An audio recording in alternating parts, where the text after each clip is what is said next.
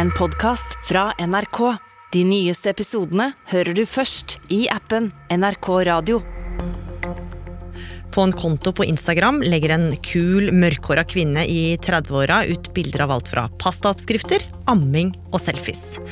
En tilsynelatende normal ting. Det uvanlige er at den styres av Finlands statsminister. Og nå er hun som har blitt omtalt som en av verdens mektigste, i hardt vær. Heading overseas now, the Prime Minister of Finland is facing some heat over a video. Sanna Marinista lähti eilen leviämään sosiaalisessa mediassa. Video shows her partying with celebrities. Jeg mener det, det var uklokt. Og det har fått mange til å stille spørsmålet hvor går egentlig grensa for hva en statsminister kan gjøre etter arbeidstid? Du hører på Oppdatert. Heter Gry Veiby. De siste ukene har det storma rundt finnenes statsminister Sanna Marin. En kvinne som har gjort kometkarriere, men som også har fått veldig mye oppmerksomhet for helt andre ting, som utseende og alder. Men det mange ikke har hørt om, er den spesielle bakgrunnen hennes. Tone Sofie Aglen, du er politisk kommentator her i NRK. Ja, hun hadde en uh, veldig spesiell oppvekst. Uh, ikke bare var hun oppvokst med dårlig råd i familien, hun hadde også en uh, far som var alkoholiker, noe som heller ikke var uvanlig i Finland på den tida, men det var ingen enkel oppvekst. Alkoholproblemene til faren førte etter hvert til at eh, foreldrene ble eh, skilt. Hun bodde alene med mora si og måtte ta mye ansvar hjemme. De sleit økonomisk, så Sanna jobba både på et bakeri, hun jobba i kassa på et varehus for å spe på inntekta til eh, familien. Så fikk mora etter hvert en ny kjæreste, en kvinne, og Sanna vokste opp i en regnbuefamilie, noe som ikke var vanlig i Finland på den tida. Og det var heller ingen i familien hennes som hadde høyere utdanning, så det var ikke gitt at Sanna skulle få det. Nei, det var absolutt ikke gitt, eh, for hun var ikke spesielt eh, skoleflink. Det var så vidt hun kom inn på videregående skole, og hun måtte også jobbe mye ved siden av, så hun hadde mye å gjøre med å sjonglere både jobb og skolearbeid. Men hun var opptatt av at hun ville få en utdannelse, gjøre noe annet enn resten av familien, og tok etter hvert også en universitetsgrad. Samtidig som hun studerte, så begynte det også å vokse et annet engasjement. Ja, hun var veldig prega av eh, oppveksten sin, og ble etter hvert eh, politisk eh, engasjert. Først i studentpolitikken, og så meldte hun seg inn i ungdomspartiet til Sosialdemokratene som 21-åring. Ja, altså søsterpartiet til Arbeiderpartiet her hjemme. Og det viste seg etter hvert, Tone Sofie, at hun var et stort politisk talent. Ja, hun ble tidlig lagt merke til. Hun ble oppfatta som veldig tydelig og hadde en autoritet. Hun var ryddig, og det som også sies om henne, at hun var godt forberedt. Hun gikk inn i politikken fordi hun ville gjøre en eh, forskjell. Hun var veldig opptatt av eh, klima. Hun var jo også vegetarianer. Hun var opptatt av menneskerettigheter, og det at hun ble oppvokst i en regnbuefamilie, gjorde at hun også var veldig opptatt av eh, skeives rettigheter. Ja, og det her var jo saker som hun virkelig brant for. Hun engasjerte seg i ungdomspartiet, og allerede som 23-åring så ville hun stille som ordfører i hjembyen Tammerfors. Men det skulle vise seg å bli en utfordring. Hva var det som skjedde? Ja, når eh, stemmene var talt opp, eh, så viste det at uh, Sanna ble ikke ordfører. Hun tapte valget. Men det stoppa ikke henne. Hun hadde et mål, og hun jobba videre i kommunestyret. Og fire år etterpå så stilte hun til eh, gjenvalg, og da var kanskje byen mer klar for en ganske ung og målretta politiker. Hun ble også tidenes yngste ordfører i Tammerfors, som er Finlands tredje største by. Og det var her hun virkelig fikk vise hva hun var god for.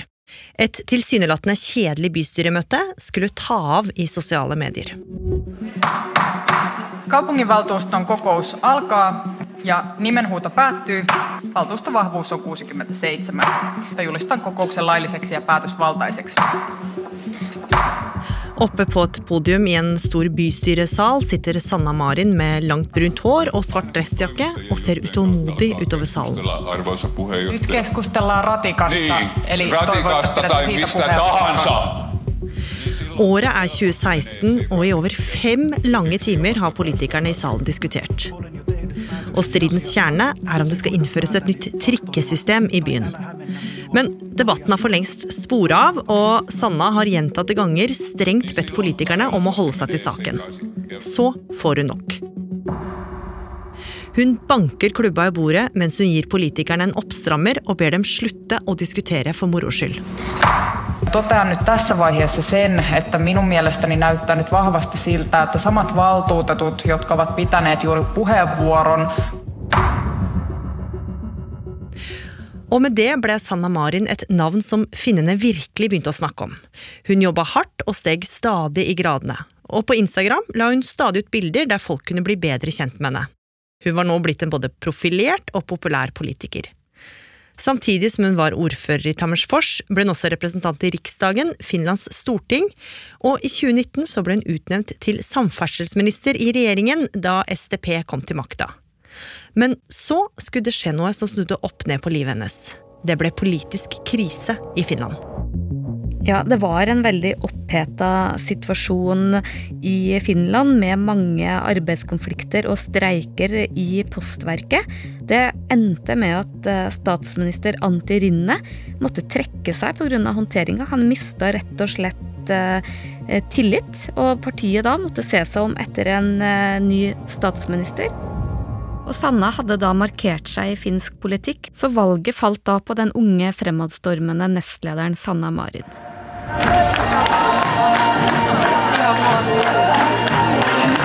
Hun har på kort tid blitt Finlands nye superstjerne. Takk, beste kamerater. Og med det ble hun historisk igjen. Hun ble verdens yngste sittende statsleder, 34 år gammel. Of course, I'm very proud that in Finland age or gender doesn't matter. In this crisis, this situation, our party has elected me to take the place of the prime minister. Og det var jo ikke det eneste spesielle, for når hun presenterte regjeringa hun leda, så var det et ganske uvanlig syn. Ja, og det var ikke bare fordi det var en koalisjonsregjering med fem partier. Det var en regjering bestående av veldig mange unge kvinner. Blant partilederne var alle kvinner. Fire av fem var under 40 år. Og selv om regjeringa var en videreføring, så var det åpenbart at de var opptatt av grønn politikk, av klima og av likestillingsspørsmål. Og på sin første dag som statsminister så ble hun spurt av en journalist om hun kom til å fortsette å dele mye av livet sitt i sosiale medier. Uh, of course, I have to be careful what I say because it can be uh, represented as the whole government. Uh, but I'm still a person, and I will be in the future also. Og nå ble Sanna Marin et navn også internasjonalt. Hun ble kåra til en av verdens mektigste statsledere og pryda forsida av Time Magazine. Men det var ikke alle som var like begeistra over at en ung kvinne skulle lede Finland. En av de var Estlands innenriksminister, som i et radiointervju eh, sådde tvil om regjeringas beslutningsevne, og sa noe sånt som at en kassadame var blitt statsminister, og sikta da til den jobben hun hadde ved siden av studiene som ung. Sanna Marin var selv raskt ute og skrev at hun er stolt over at en kassadame i Finland til og med kan bli statsminister. Etter at saken eksploderte på sosiale medier søndag ettermiddag, har det strømmet inn med støtteerklæringer til den finske statsministeren, også fra Estland. Og det var veldig spesielt, for Estland og Finland er jo naboer og hadde en god relasjon, og det endte med at den estiske ministeren måtte gå ut og beklage. Sanna Marin var jo etter flere år i politikken blitt ganske hardhuda og vant eh, til å få reaksjoner som handla om at hun var ung kvinne. Men hvis det hadde vært mye av det til nå, så ble det i hvert fall mye mer av det med den nye statsministerjobben. En drøy måned etter at hun hadde blitt statsminister, så deltok hun på elitetoppmøte i Davos i Sveits. Og det var der en av debattlederne, en, en veldig kjent CNN-profil, spurte henne hvordan hennes regjering, som bare besto av kvinnelige partiledere, fungerte. Og da svarte Sanna at man fungerer som en hvilken som helst annen regjering. Det var ikke sånn at de hadde møter i kvinnegarderoben for å ha en garderobeprat. Og det vakte også betydelig oppsikt i eh, sosiale medier. Eh, den nye regjeringa ble jo kalt alt fra leppestiftbrigade til strømpebukseregjering, så det var ikke alle som var begeistra. Hvordan reagerte hun på det? Hun sa at eh, folk må bare venne seg til at også kvinner kan styre et land. Og hun fikk jo veldig mange spørsmål om hvordan det er å være så ung politiker. Og da hun alltid svarte, var at hun måtte bare fokusere på sakene. Så skilte hun seg jo veldig ut. Vi må ikke glemme at dette var Finland. Hvis vi ser på portrettene av tidligere finske statsministre, så er det veldig mange godt voksne, dresskledde menn, og hun skilte seg jo veldig ut.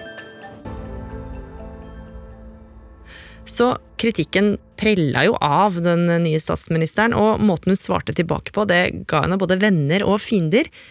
Men det var jo ikke bare i politikken hun var spesiell. Nei, hun prøvde å leve et uh, helt vanlig liv. For eksempel så bodde hun lenge i sin lille leilighet sammen med mann og barn. Hun gikk sjøl og handla på butikken. Uh, hun gikk på rockefestivaler med skinnjakke og shorts. Og, og også når man ser liksom det hun har lagt ut i sosiale medier, så legger hun jo ut alt fra selfies, uh, også der hun ammer barnet sitt, til pastaoppskrifter og annet som man kanskje ikke helt forbinder med en statsminister. Men til tross for at hun hadde en avslappa stil som statsminister, så var hun også blitt kjent for å være en solid politiker. Hun leda Finland gjennom koronakrisa med stødig hånd, og framsto streng og tydelig på de utallige koronapressekonferansene. Og da det ble kjent at Finland hadde blant de laveste koronadødsratene i Europa, så var det mange som pekte på hennes håndtering. Og innimellom all jobbinga som statsminister, så valgte hun å kose seg på byen.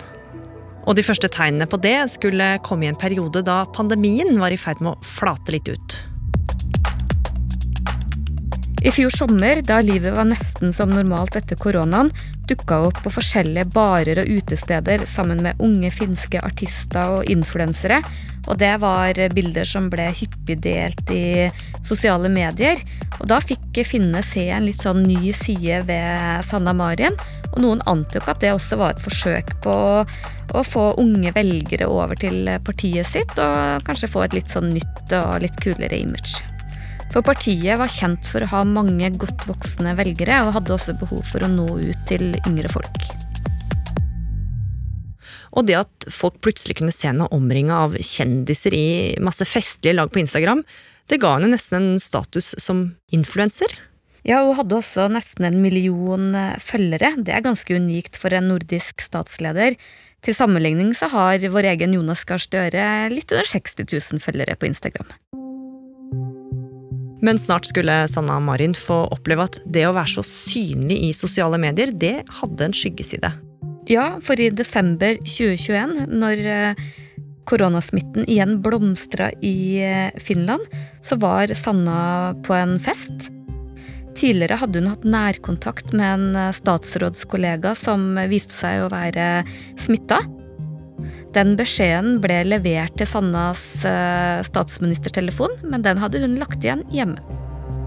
Sanna Marin ber om unnskyldning for at hun gikk på nattklubb på lørdag, selv om hun visste at hun hadde vært i kontakt med en person som var smittet med korona. Dette har jo vært den store snakkisen selvfølgelig i Finland de siste dagene her. Kombinasjonen av koronasmitte og nattklubb, det er jo klart at det er noe som opptar folk.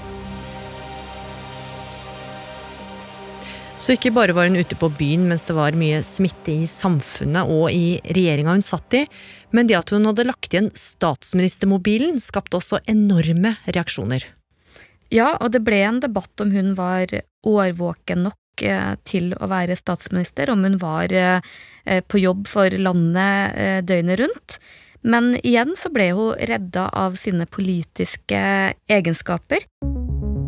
Nå diskuterer politikerne både i Sverige og Finland å gå inn i Nato. Dette er land som tradisjonelt sett har forholdt seg nøytrale til supermaktene og blokktenkingen, men nå kan det altså bli annerledes. Det kom en krig mellom Ukraina og Russland, hvor Finland brått endra syn på Nato og starta en prosess med å søke medlemskap. Da fikk eh, Sanna mye skryt for eh, sin håndtering. I debatt etter debatt argumenterte Sanna Marin for hvor viktig det var at Finland var med i Nato, og talte med det rett og slett sin mektige nabo Putin rett imot. Det er en historisk dag for Norden. I Finland kunngjorde presidenten og statsministeren at landet søker om Nato-medlemskap. We hope that the parliament will confirm the decision to apply for NATO membership during the coming days. Finnene slutta rekkene rundt eh, Sanna, og hun ble omtalt som århundrets mest populære statsminister i Finland. Men 18.8 i år så skjedde det noe som igjen skulle sørge for at eh, Sanna Marin gikk viralt. Men denne gangen så ble det langt mer alvorlig, og det skapte nyheter over hele verden.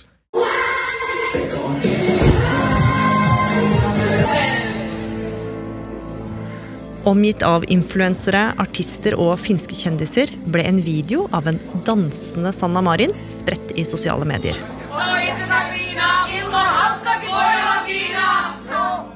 Du ser en vennegjeng som tydelig poserer foran kamera. De danser tett, i tettsittende klær og danser ganske intenst og sexy mens de ser inn i kamera. Det ser ut som de har det veldig gøy, men man kan også skjønne at dette er en video man ikke ønsker at alle skal se. Men det var nettopp det som skjedde. For videoen, som i utgangspunktet bare ble delt på en privat Instagram-konto som bare noen få hadde tilgang til, havna på avveie. Nå kunne Sanna se at videoen begynte å spre seg, og da eksploderte det virkelig. Festvideo skaper trøbbel for Finlands statsminister. Videoene av Finlands statsminister Sanna Marin har florert på sosiale medier de siste dagene. Sanna Marin har vært under hardt press de siste dagene. Videoene har blitt omtalt verden over. Og det var veldig blanda reaksjoner. Det var jo mange som mente at, uh, at det var en uskyldig video, at en statsminister må få lov å danse så mye man vil. Men det var også andre som mente at uh, dette var lite statsministeraktig og sådde litt tvil ved hennes uh, dømmekraft.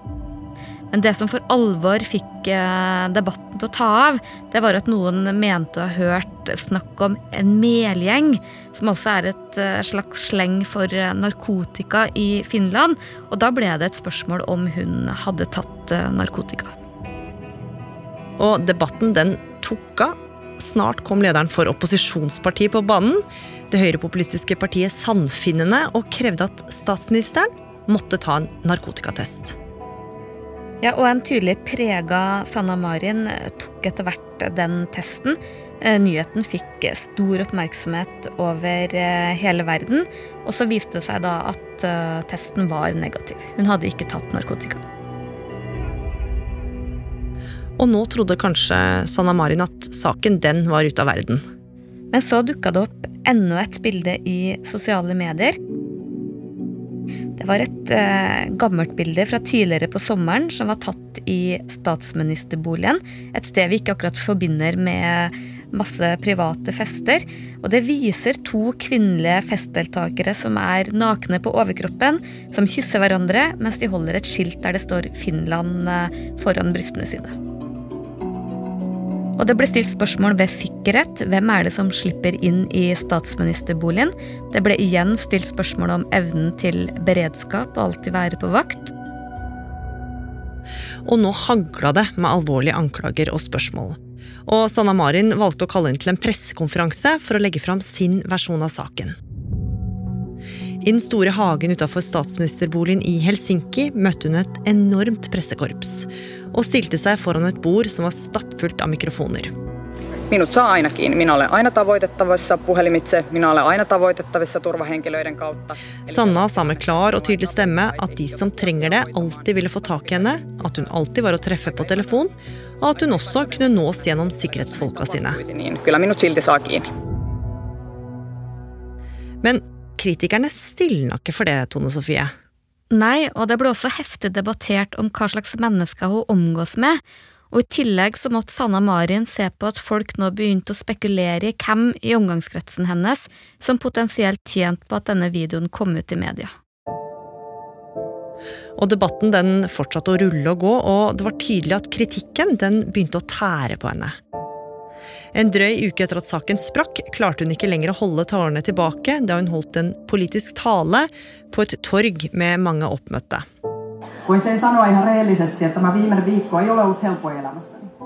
Hun sa at bildet av de avkledde venninnene i statsministerboligen aldri burde blitt tatt, men la til at festen ikke hadde utgjort noen sikkerhetstrussel, og at hun var i full stand til å gjøre jobben sin, selv om hun festa. Hun fortalte hvor vanskelig den siste tida hadde vært, og hun ville bli trodd på at det er hva en politiker gjør på jobb, ikke på fritida, som betyr noen ting.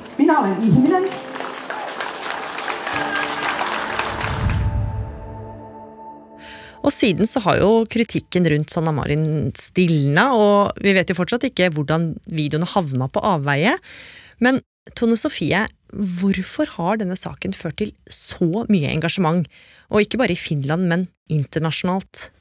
Det handler jo om mer enn uh, Sanna Marin, som er en, uh, fått det nærmest en kjendisstatus. Det handler også om uh, politikerrollen, og vi ser at veldig mange har støtta opp om henne. Vi ser La Sanna danse-kampanjer, og mange mener at dette her er en ikke-sak, og at hun ble behandla sånn fordi hun er en ung kvinne. Men så er det også noen interessante aspekter ved det, fordi det er en ganske ny måte å se politikere på.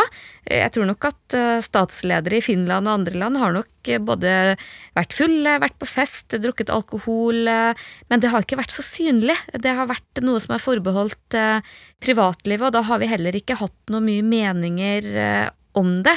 Og det her er nok litt den nye politikerrollen, hvor man må tåle at mye mer av livet er mye mer eksponert. Hva vil de gjøre med Sanna Marins oppslutning?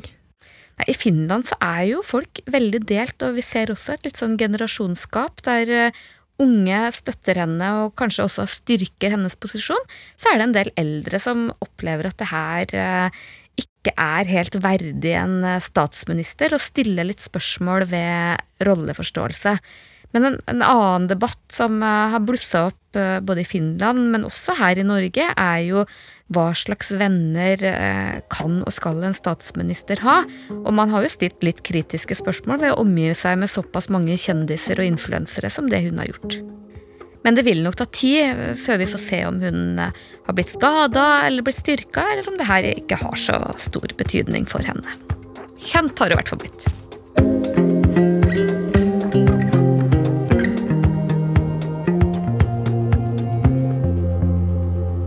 Oppdatert er en podkast fra NRK Nyheter, og denne episoden den ble laga av Hanna Kolås. Espen Bjørlo Mellem. Andreas Berge. Og meg, Gry Veiby. Programredaktør er Knut Magnus Berge. Klippene du har hørt, er henta fra CBS, MTV, Nine News Australia, The Guardian, BBC, CNBC, The Telegraph, TV 2 og NRK. Har du tips eller innspill, så send oss gjerne en e-post. Adressen er oppdatert krøllalfa nrk.no. En podkast fra NRK. Hei, det er meg. Are Sindosen Han som er så opptatt av de gamle norske kongene, vet du. Nå har jeg mange nye episoder om dem i podkasten Kongerekka. Det er blitt middelalder, men fortsatt er det flust av intriger, sex, brodermord, slag og riddere. Det er jo vår Game of Thrones, det her. Fra virkeligheten. Bare at det ikke er fullt så mange drager. Hør podkasten Kongerekka i appen NRK Radio.